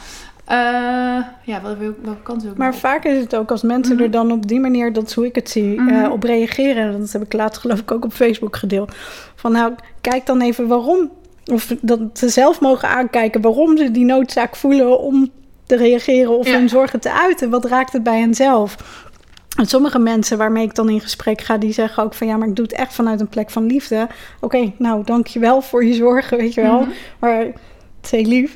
Maar het is ook voor mezelf dan kijken met eh, wie er nog wel en niet aansluit, ook voor mij. Ja, alleen soms, als, eh, eh, kijk, op, op social media, die, die hoef je niet allemaal in het echt te zien, zeg maar. Nou, Maar Hm. als ik dan bijvoorbeeld meerdere van mijn vrienden echt de, de ja, alles vertel, zeg maar. eh, dan, dan, dan krijg ik soms een beetje bezorgde vrienden of zo. Eh, en dan, eh, ja, dan ga, komt er soms zoveel emotie van vrienden bij. Dat ik Ja. gewoon moeier word van al die emoties dan van hoe ik erin sta. Dus dan denk ik achteraf van, oh, dan had ik beter even wat minder open kunnen zijn. Ja, maar goed, dat is ook weer gewoon voelen per moment wat goed nou, is. nou, maar dat is het. ja. Ja. En ehm, op zich, ja, dat dat hun emoties zijn. Ja, daar hoef jij dan op zich helemaal niks mee. Maar dat is soms heel lastig, want het Ja. komt wel binnen. En dan is het ook misschien interessant eens te kijken. Maar daar heb ik veel van geleerd, Ja. daarom. eh, dat ik dat wilde zeggen. Eh, om- ook weer naar je Human Design chart te kijken. Ik weet niet of je het ooit gedaan hebt. Ja, Ja? ja. ik ben een projector. Ah, kijk. Ja, je werkt op uitnodiging. Maar ik had jou uitgenodigd. Maar goed. Ja, ja, dus het is eigenlijk andersom. Ja, ja. Nee, ik manifesteer. Weet je ook welke autoriteit je hebt? Ehm, ik, heb wel een keer zien staan, maar eh, ik weet het even niet meer. nou, Ik weet wel, niet. de, de valkuil was bitterness of zoiets. Ja. Eh, wat is dan tegenoverstel, tegenovergestelde van Ehm, de autoriteit, toch? Dat je, ehm, eh, dat is hoe je dan reageert. Voor jou is het heel belangrijk te checken wanneer iets succes heeft of niet. Of het Mhm. succesvol voor je is. Dat, of dat, wanneer het dat, dat gevoel geeft, is het in orde? Levert het bitterheid op? Ja, oké, dus eigenlijk gewoon heel erg dat gevoel volgen van of het... eh, ja, inderdaad. levert dit voor jou succes op? eh, Ja. dat. En inderdaad op uitnodiging werken. En wat ik voor mezelf... Ja, ik heb dan een andere Mhm. eh, consistentie, hoe je het wil noemen. Eh, als het emotionele centrum open is, dat wil ik nog even zeggen, dan fungeert het als een open raam, zou je kunnen zeggen, waar dan de emoties van anderen in kunnen komen. Mhm. Als je daar zelf niet bewust van bent, ja, dan slurp je ze op, zeg maar, en worden ze een beetje van jou. Ja, En wat er gebeurt is dat jij ze amplified, jij versterkt ze twee of drie keer weer terug de wereld in. ja, volgens mij heb ik die Dat. wel open, ja. Ja, en ik merk ook dat dat bij mij... Ja, ik weet... Nou, dat, dat zou het dus misschien kunnen zijn... waardoor het soms zo hard en veel binnenkomt... Ja. en je van ja, het eigen laat worden, bijna... Eh, terwijl het echt weer voelen is van... oh ja, wat is van mij, wat is van een ander... en je juist hier dan bent om die golfbewegingen... van die emoties... ehm, te, daarover te leren. Dat het met ups en downs gaat. Dat er nooit een absolute zekerheid is... voor mensen die wel emotioneel gedefinieerd zijn. Ja. er is nog heel veel meer over te Ja, ik vertellen. zit, ook, maar, ja, eh, ik zit ook te denken van, ik vind het zelf wel interessant, Ja. maar ik weet dus niet in hoeverre mijn luisteraars hier iets over Nee, weten of niet. nee, dat is een beetje lastig. Maar je Ja. kan het ook niet even heel kort samenvatten. In ieder Nee. geval, eh, vorige keer was Willy hier en die doet ook dingen met human design. Dus als er nou mensen zijn die echt helemaal niks over human design weten, dan kan je die podcast terugluisteren en dan hoor je even de Ja. basis. Top. Ja, fantastisch. Ja. Ehm, even kijken. Ja, eh, dus dit gaat ook nog over grenzen. En ook een beetje over dat ego en identiteit. Alles verandert de hele tijd en je ontwikkelt je. En daardoor ben je dus eigenlijk nooit meer helemaal dezelfde. Toch? dus hoe weet je nou dat je nog jezelf bent? Of, of bestaat er überhaupt wel een, een- nog een zelf? Dat vroeg ik me af. En hoe kijk jij er tegenaan? Ik heb wel het idee dat er een... Die kern is, noem het je Mhm. ware zelf, die parel, fatto, essentie, Ja. dat. En dat dat iets is dat is. Ehm, dat in de kern eh, ook niet verandert. Oké. Eh, de hele boel eromheen, dat kan een enorme storm zijn. Ja. Maar dat blijft echt de stilte in de stormoog van de orkaan, noem het maar op. Dat er inderdaad in ons allemaal een soort stiltepunt is. Dat een Ja. anker is, zo je wilt. Ehm, en verder, ja, alles verandert. Continu. Maar En waar kan je dan aan vasthouden? Aan een stiltepunt in jezelf of zo? Da- daar weer naar terug. En dat kan een punt eh, bij je navel zijn. Mhm. Eh, het kan je hart zijn. En een ander punt waarvan jij zoiets hebt... oh, voor mij zit het daar. Ik, ik denk dat ik namelijk niet zo goed weet waar mijn punt zit. Oh, goed punt. Ja. dan hoef, ja, wat het dan kan zijn. En dan dan, dan, dan kan het je adem zijn. Gewoon eigenlijk alleen al dat. Want Ja. dat is even goed ook. Je adem is niet gisteren, je adem is niet fantastisch. Je adem is gewoon. weet je? Mhm. Het is niet slecht, het is niet goed, maakt niet uit. Je adem is. Ja, ik En dan ook kan heel dat- vaak mijn adem in. Dus dat is Ja, ja, ja, ja. Oké. Dus dat. Ja. Dat kan dan je ankerpunt zijn. Want inderdaad, alles verandert continu. En dat is een van de zekerheden die, die er zijn. Ja, in ieder geval op dit moment. Als we dood zijn, hebben we die ook niet meer. Maar ja, En daarom ook de zekerheid dat je geboren bent en ook dit leven weer gaat verlaten, zeg maar. Dat is ook een van de zekerheden, zoals ik het zie. Maar ook inderdaad, nou, dat dan de essentie alsnog niet doodgaat of, of zo. Maar dat, eh, dat alles eromheen, het voertuig waarin het terecht komt, het lichaam... dat daar een heleboel inderdaad in ontwikkeling kan zijn en kan veranderen. Maar eh, ja, en zijn er dan ook, zeg maar, in die essentie bepaalde eigenschappen of talenten die altijd blijven, denk je? Ik heb wel het gevoel dat er een soort rode draad Ja. voor je kan zijn gedurende nou, een soort levensles of een, dat je ergens een soort van contract hebt getekend, bij wijze van spreken. Eh, van hé, hey, dit zijn de dingen die ik zou willen leren in dit leven of Ja. zo. En eh, dat geloof ik ook wel dat als je die lessen niet leert of zo, dan blijft het komen. Ja. De hele tijd, weet je. Mhm. Dan kom je weer in een situatie om toch dat punt te leren en... eh, Ja. En dan komt er weer een volgende les. Tenminste, dat is hoe het in mijn leven tot nu toe gaat. Kan je je Ja. essentie kwijtraken? De verbinding ermee wel. Ja, Maar de essentie aan zich is er. oké. Ja. Ja, Mooi. fijn hè? Zo'n geruststelling.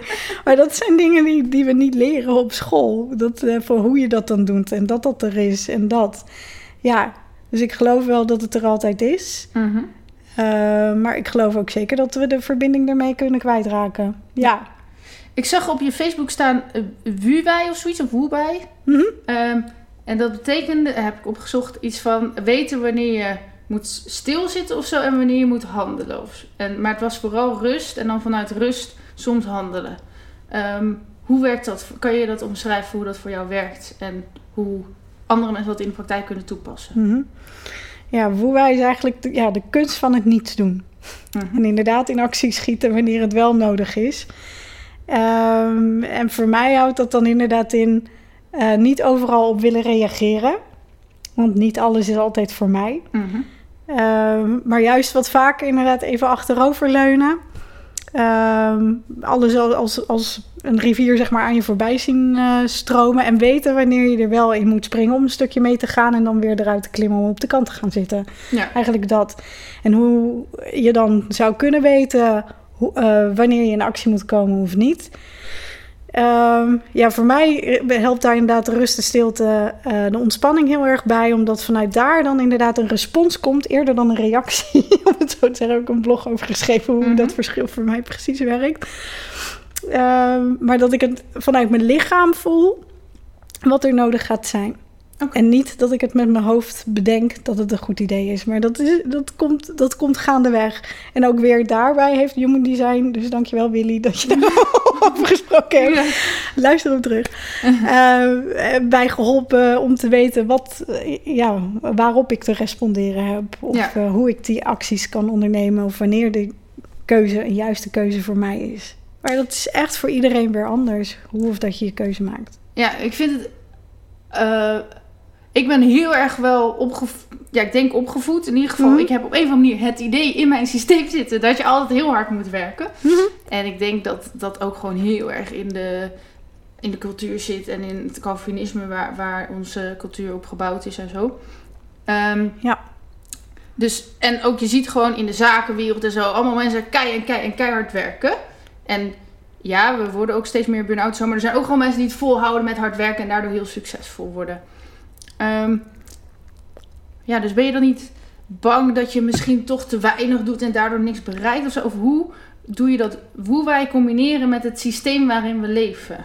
Want dit systeem leert van harder werken, doorwerken, go, go, go. En ja, hoe wij is precies tegenovergestelde. Ja, Hoe, Nou. hoe doe je dat?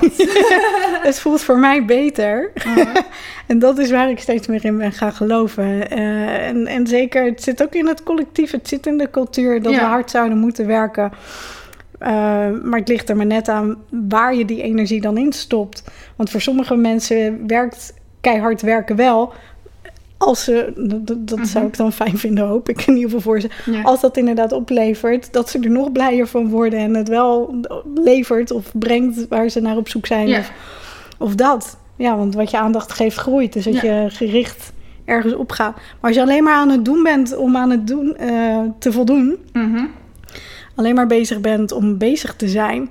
eh, en te laten zien, kijk, mij eens bezig zijn en het druk hebben. En eh, Mhm. de hele tijd maar aan het werk. Ja. Ja. dat.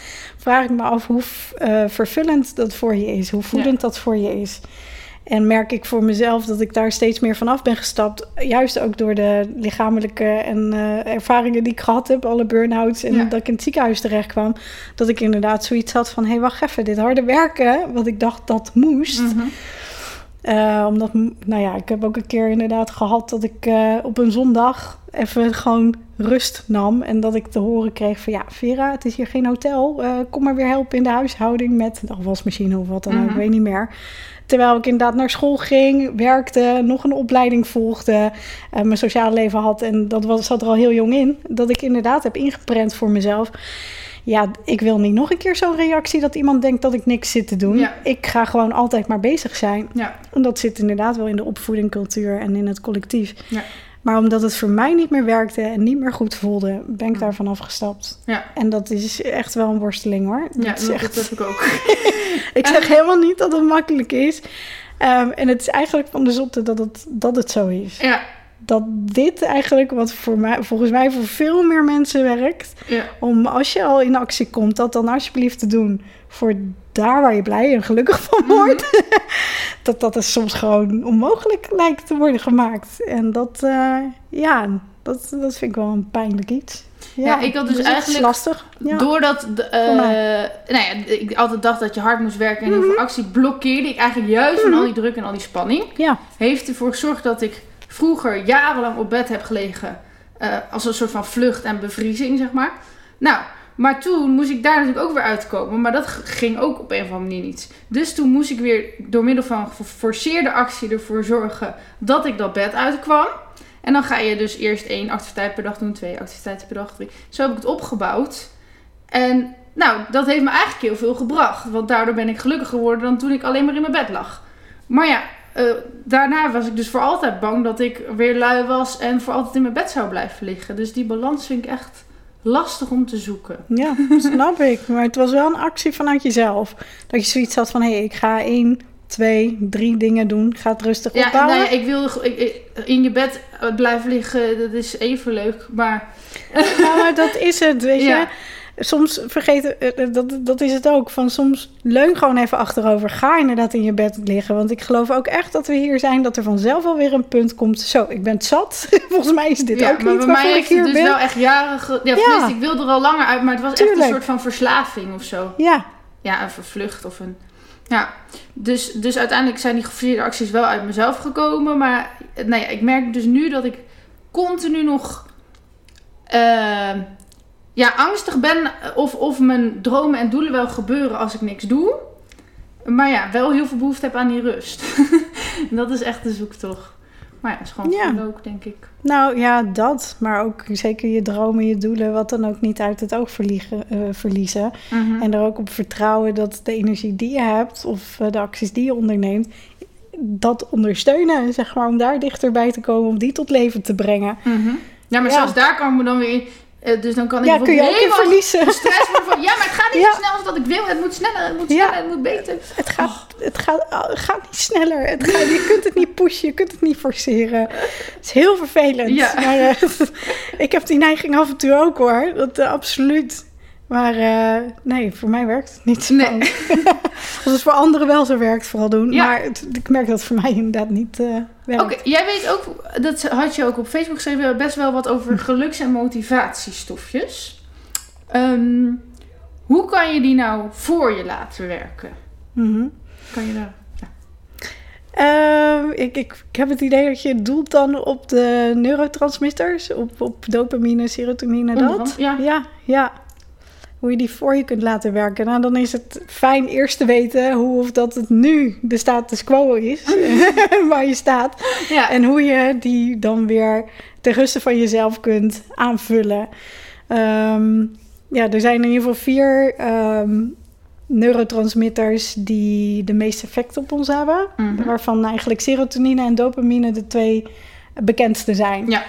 Dopamine toch ehm, ja, echt een, een, een stukje kracht. Dingen doen die je het leuk vindt, waar je blij van wordt.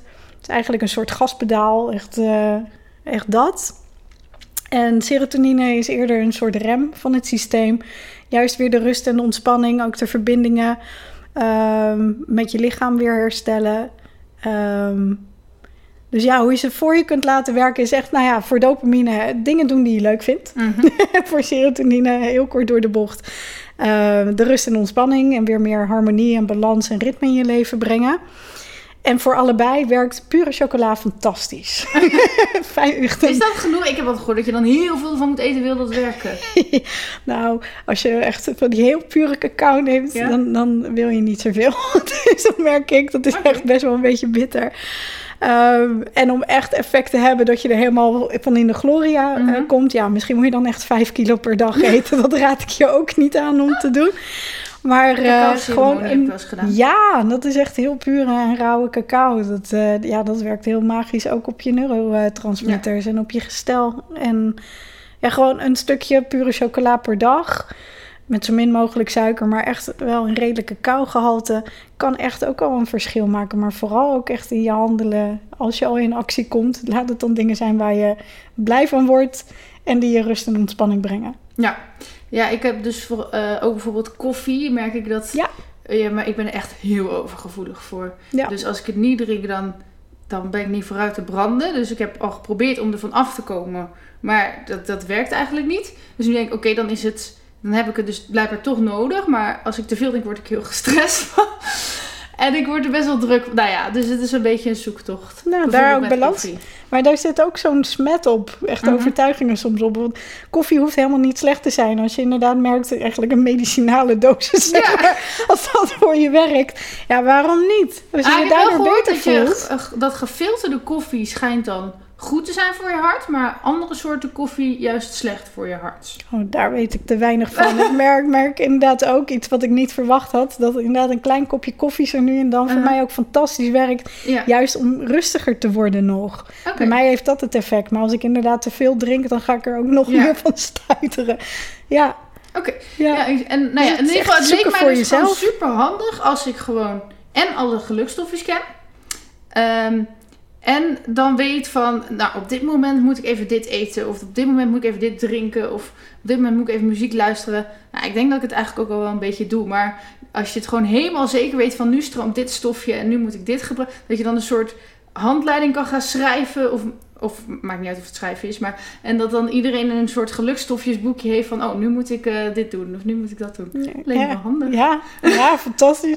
En op zich, er zijn er genoeg eh, tools om het inderdaad wel aan te kunnen zetten of Ja, te kunnen of ondersteunen. oxytocine van knuffelen. Ja, nou dat. ja. Ja. maar dan denk je, dan ben je weer afhankelijk van mensen. En dan, Nou nee, jezelf een knuffel geven doet ook al eh, Ja? veel. Of je hand op je hart leggen, maakt ook oxytocine aan. ah. Ja, dus je hoeft er inderdaad niet anderen bij nodig te hebben. en ook chocola, vast wel weer.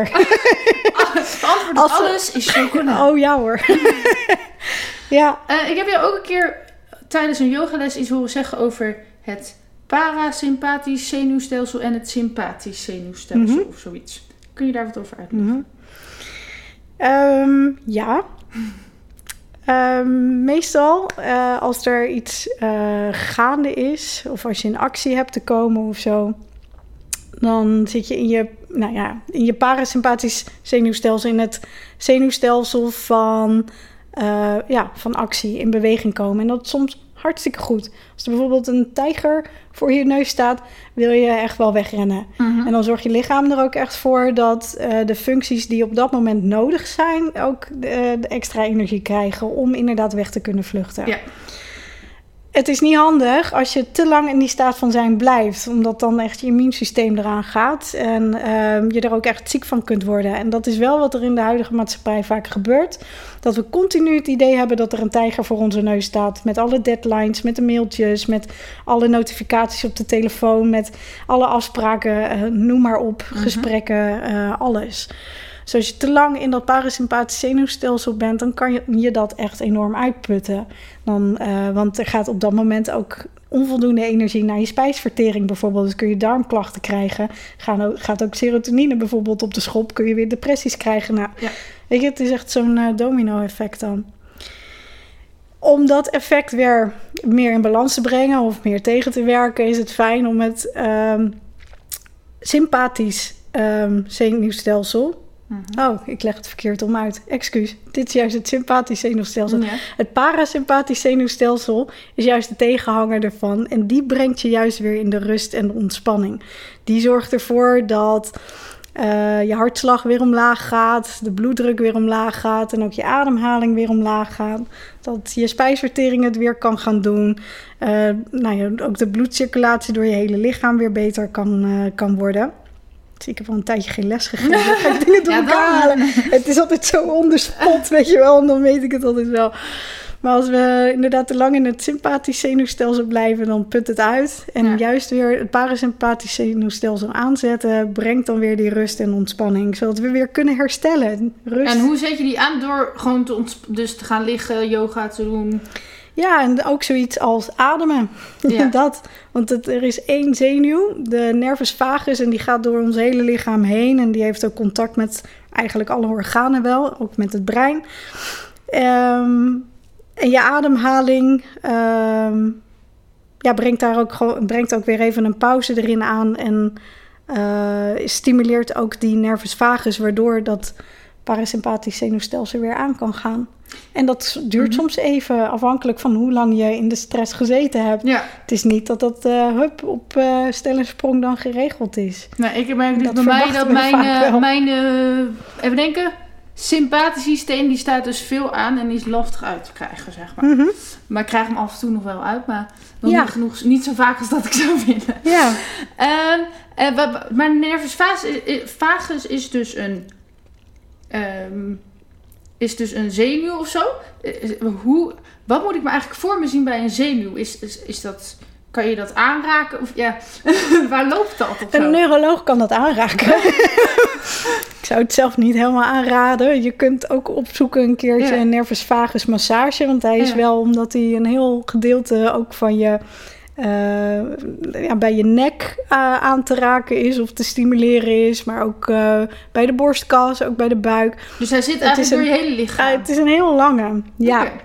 Het is een heel lange en die heeft ook contact dus met een heleboel interne systemen. Ja. Ja, het is een wandering nerve. Dat is het eigenlijk, vagus, een mhm. vagebond. Eentje die er helemaal doorheen slingert en doorheen reist.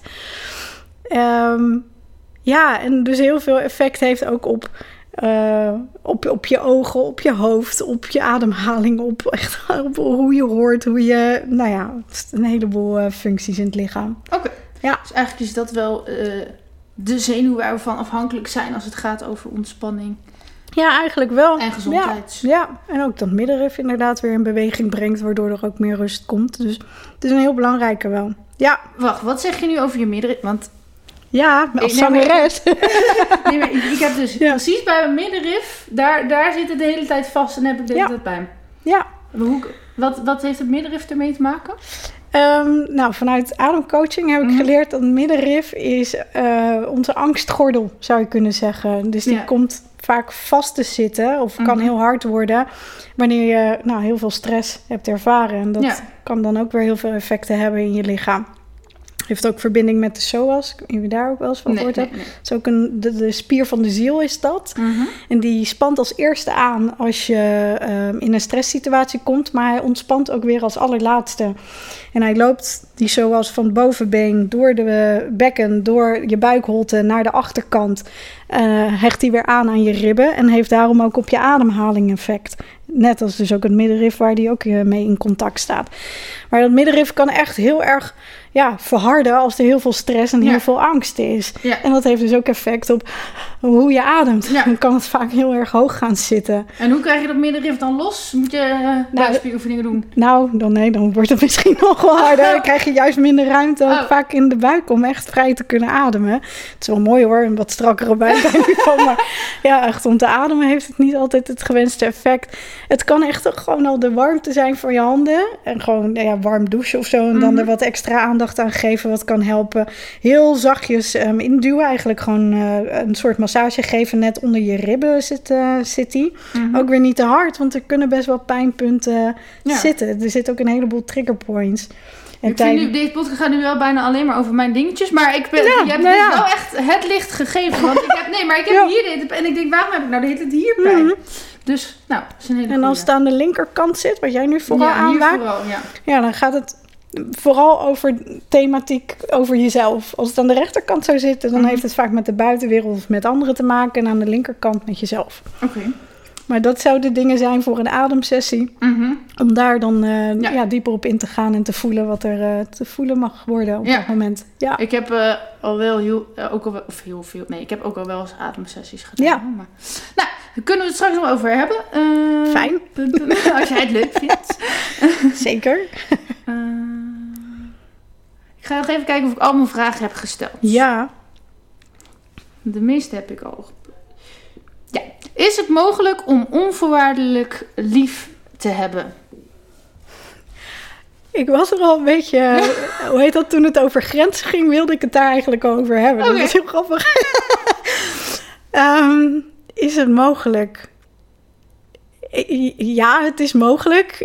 Er zijn alleen wel situaties waarin het een beetje o- behoorlijk onmogelijk wordt gemaakt. Juist met, met dat er inderdaad mensen vanuit pijn of overleving of eh, ego of wat dan ook kunnen reageren. Dat je gezonde grenzen hebt aan te geven om alsnog wel onvoorwaardelijk lief te hebben. En geloof ik in ieder geval dat je jezelf onvoorwaardelijk wel lief kunt hebben of daar heel dichtbij kunt komen dat daarvoor te zorgen. Ja. Ja. Dus ik geloof wel dat het kan. oh, maar soms lijkt het zo ver weg. En heb ik ook wel meegemaakt als ik dan een grens aangeef van nou, ik vind het niet leuk als dit gebeurt of als je dit doet of dat doet, want ik merk dan dat het mij zeer doet of wat ook, dat iemand dan ook wel eens tegen mij heeft gezegd van oh, je stelt een grens, nou dan hou je dus niet onvoorwaardelijk van me. Maar dat ja, voor mij staat dat een beetje, eh, ja, klopt dat niet helemaal, Nee, maar dat kan ik ook niet. niet zeggen dat hij ongelijk heeft of zo. Dat ik dan Ja, eraan. Toen ik eh, zeg maar, net Ja. Christelijk was, in, eh, in een beetje mijn puberteit, zeg maar. En toen eh, dan leer je van, ja, eh, Jezus die heeft onvoorwaardelijk lief en die doet voor iedereen alles, weet je wel. Nou, dus ik stond dan op mijn stages eh, de hele dag te kopiëren. Want ehm, eh, ze hadden dat aan mij gevraagd en ik durfde niet zeggen van, dat dat niet mijn taak was. Want ja, ik moest onvoorwaardelijk lief hebben. Maar dan wordt er wel, zeg maar, misbruik van je gemaakt. Dus ja, dat is ook een zoektocht soms. Nou, dat. ja, want als je inderdaad aangeeft, gewoon aangeeft van nee, dit is niet mijn taak of hoef ik niet te doen. Mhm. Dat anderen er inderdaad op kunnen reageren van oh, oh ja, maar je hebt toch onvoorwaardelijk lief? Ja. Weet je wel? Dat is toch eigenlijk ook lelijk dan? En, ja, maar dan kan je dus wel zeggen, ja, ik heb mezelf ook onvoorwaardelijk lief. Dus ja, ja, nou maar dat. dat moest ik toen nog leren, zeg maar. Ja, maar inderdaad, jezelf onvoorwaardelijk lief hebben. En vanuit daar inderdaad kunnen zeggen van nou, dit is niet mijn taak, dit heb ik niet te doen. Weet je dat? Ja. Ehm, ja, volgens mij is dat wat we, wat we te doen hebben. Ja, Ja, Maar dan dan- alsnog, ehm, soms... mm, soms dan wil iemand iets van je, eh, wat je misschien minder leuk vindt of waar je minder goed in bent. En dan kan je eh, soms best wel eens wat doen voor iemand eh, wat jou niet per se gelukkig maakt, zeg maar. Ehm, hoe vaak doe je dat? Of, of doe je gewoon alleen maar dingen die jou gelukkig maken? Dat wel gedaan. Ook redelijk recent eh, verleden, zeg maar. Mhm. Maar inderdaad, omdat ik dan merk dat het mij geen goed doet, Mhm. ik me er niet goed bij voel, doe ik het steeds minder. Hmm. Maar soms vind ik mezelf ook nog wel in situaties dat ik denk, "Huh, hoe heb ik dit nou weer voor elkaar gekregen? Hoe ben ik hier nou beland? Ehm, maar ik, heb het, ik had het laatst wel dat ik steeds beter dan daarin ook kan aangeven. Want iemand stelde iets aan mij voor. Van, oh, maar zou je dan dit en dat niet voor me kunnen doen? Ja.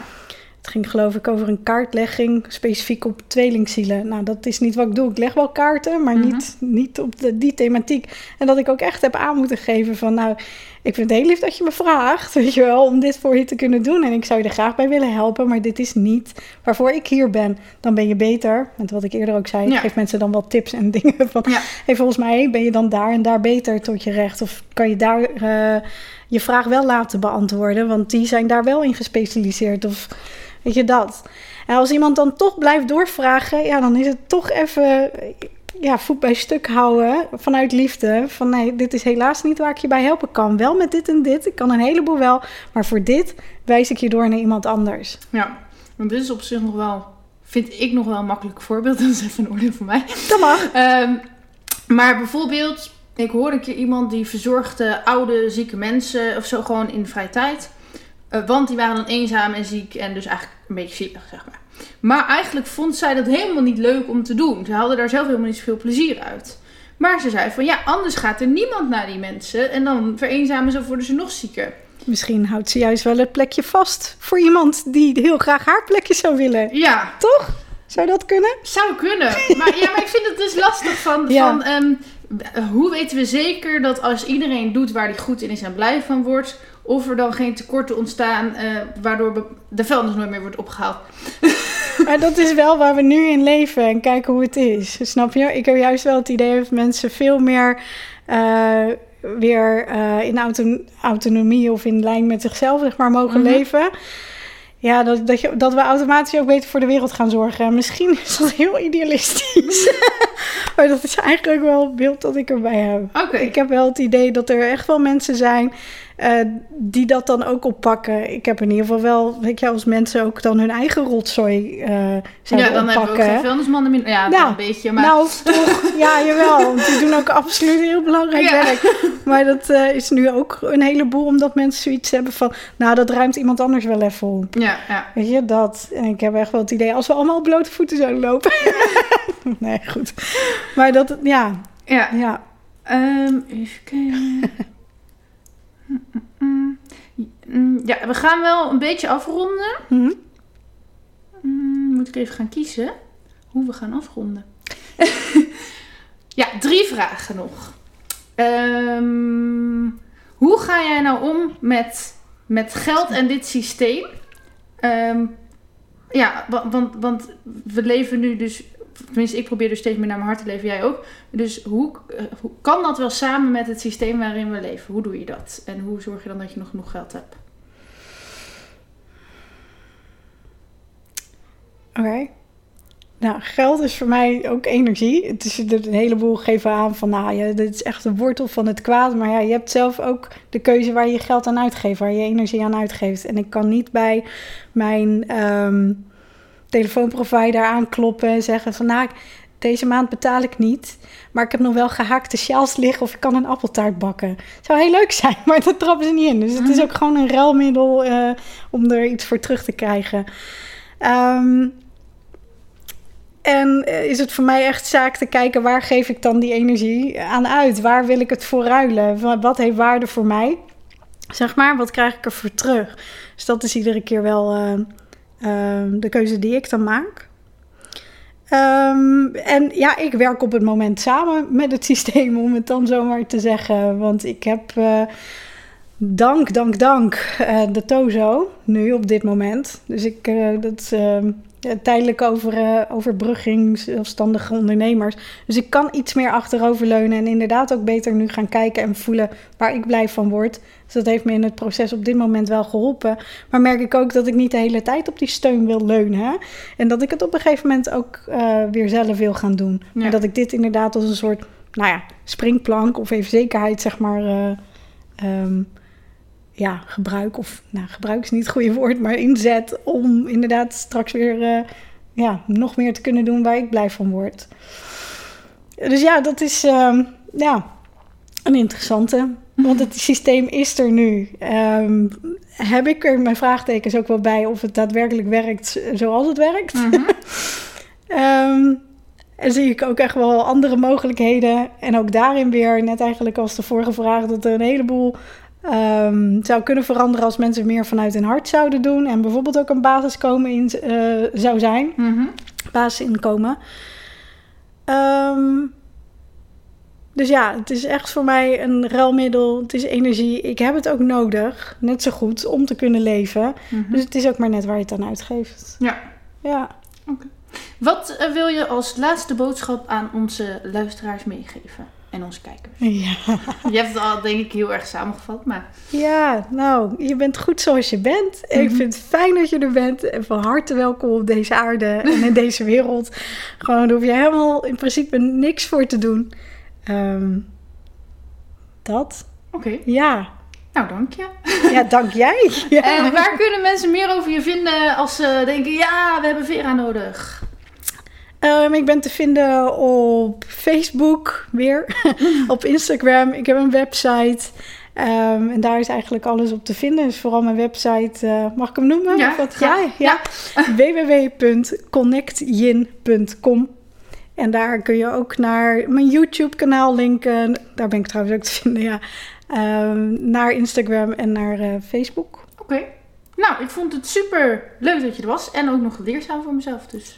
Dankjewel. ja, fijn. Ja, Oké. dankjewel Walinda. Eh, ja, ik moet er nog even op uitdrukken. Dus nu mag jij nog een grapje vertellen of zo. Of gewoon stil zijn. Grap, grapjes op commando, dat is zo lastig. Doei! Meer weten? Ga naar walinda.nl of volg mij op Facebook en Instagram.